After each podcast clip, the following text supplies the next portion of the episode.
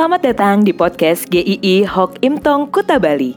Penginjil Ray Reginaldi akan membagikan renungan harian singkat untuk membawa Anda mengenal dan menyembah Tuhan Yesus, bertumbuh dan menjadi murid Kristus, serta berdampak untuk banyak orang. Jika Anda merasa diberkati melalui renungan ini, silahkan bagikan podcast ini agar orang lain juga diberkati. Inilah renungan hari ini.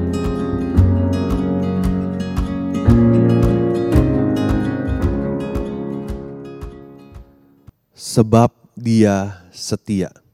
2 Tesalonika 3 ayat 3. Tetapi Tuhan adalah setia.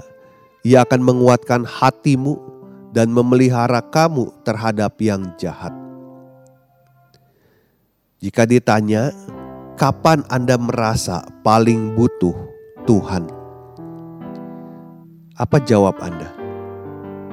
Ada orang-orang yang biasanya dalam keadaan normal dan aman tidak terlalu bergantung pada Tuhan. Tetapi saat keadaan mulai memburuk, orang-orang merasa perlu Tuhan dan kembali bergantung pada Tuhan. Ada sebuah kalimat yang sering kali diucapkan. Ketika hanya Kristus yang Anda punya, Anda akhirnya akan sadar hanya Kristuslah yang Anda butuhkan. Situasi yang buruk dapat menyadarkan kita betapa apa pun yang kita miliki, yang kita punya, tidak sanggup untuk menolong dan menopang hidup kita. Situasi pandemi hari ini adalah situasi yang langka, dan kita berada di dalam pusarannya. Tidak ada yang menduga, tidak ada yang bisa menerka situasi ini. Tentu, kita semua mengalami kesulitan yang mungkin mirip-mirip atau bisa berbeda satu dengan yang lain. Tapi intinya semua sedang dalam situasi yang sulit. Namun jangan kecil hati, jangan menyerah, jangan patah semangat. Banyak situasi-situasi buruk dari zaman ke zaman yang sudah begitu banyak orang percaya sudah hadapi bersama dengan Tuhan. Jemaat di Tesalonika adalah salah satunya. Mereka tidak mengalami pandemi, tetapi mereka menghadapi penganiayaan yang berat. Semakin hari bukan malah membaik, tapi semakin memburuk.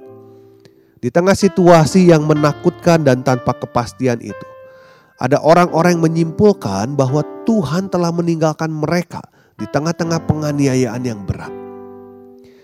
Ya, biasa yang disalahkan dalam situasi sulit adalah Tuhan.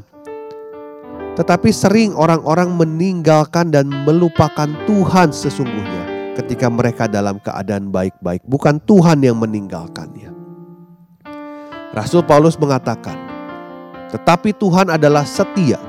Ia akan menguatkan hatimu dan memelihara kamu terhadap yang jahat."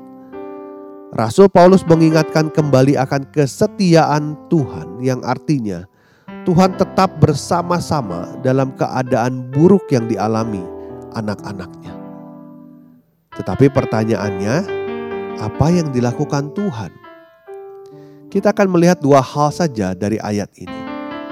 Pertama adalah Tuhan menguatkan orang-orang percaya. Kata menguatkan dapat berarti menanam dengan kokoh. Artinya membuat kita bisa tetap berdiri atau kalau saya bahasakan, dia yang menopang kita ketika tidak berdaya saat kita tidak mampu. Kita pasti banyak yang merasa sedang buntu, merasa sudah tidak mampu lagi menghadapi situasi ini. Tetapi Tuhan akan menguatkan Anda, membuat Anda tetap berdiri, membuat Anda tetap beriman kepada Tuhan.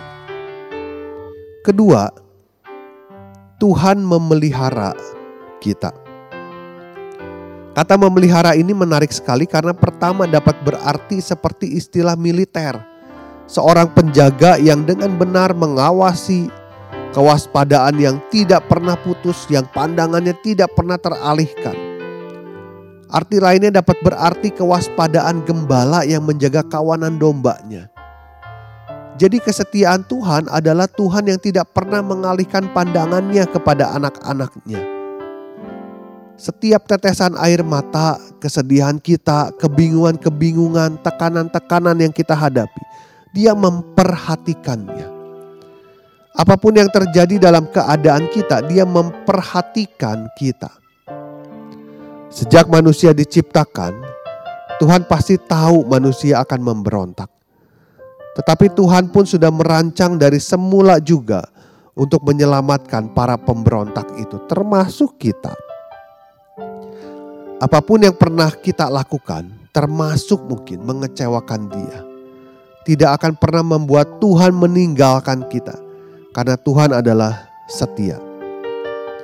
Sejak awal dan sampai akhir kehidupan ini, Tuhan itu setia. Hari kemarin, hari ini, dan hari besok ada kesetiaan Tuhan di dalam hidup kita. Dia akan menguatkan, dan Dia juga yang menjaga kita. Tuhan memberkati.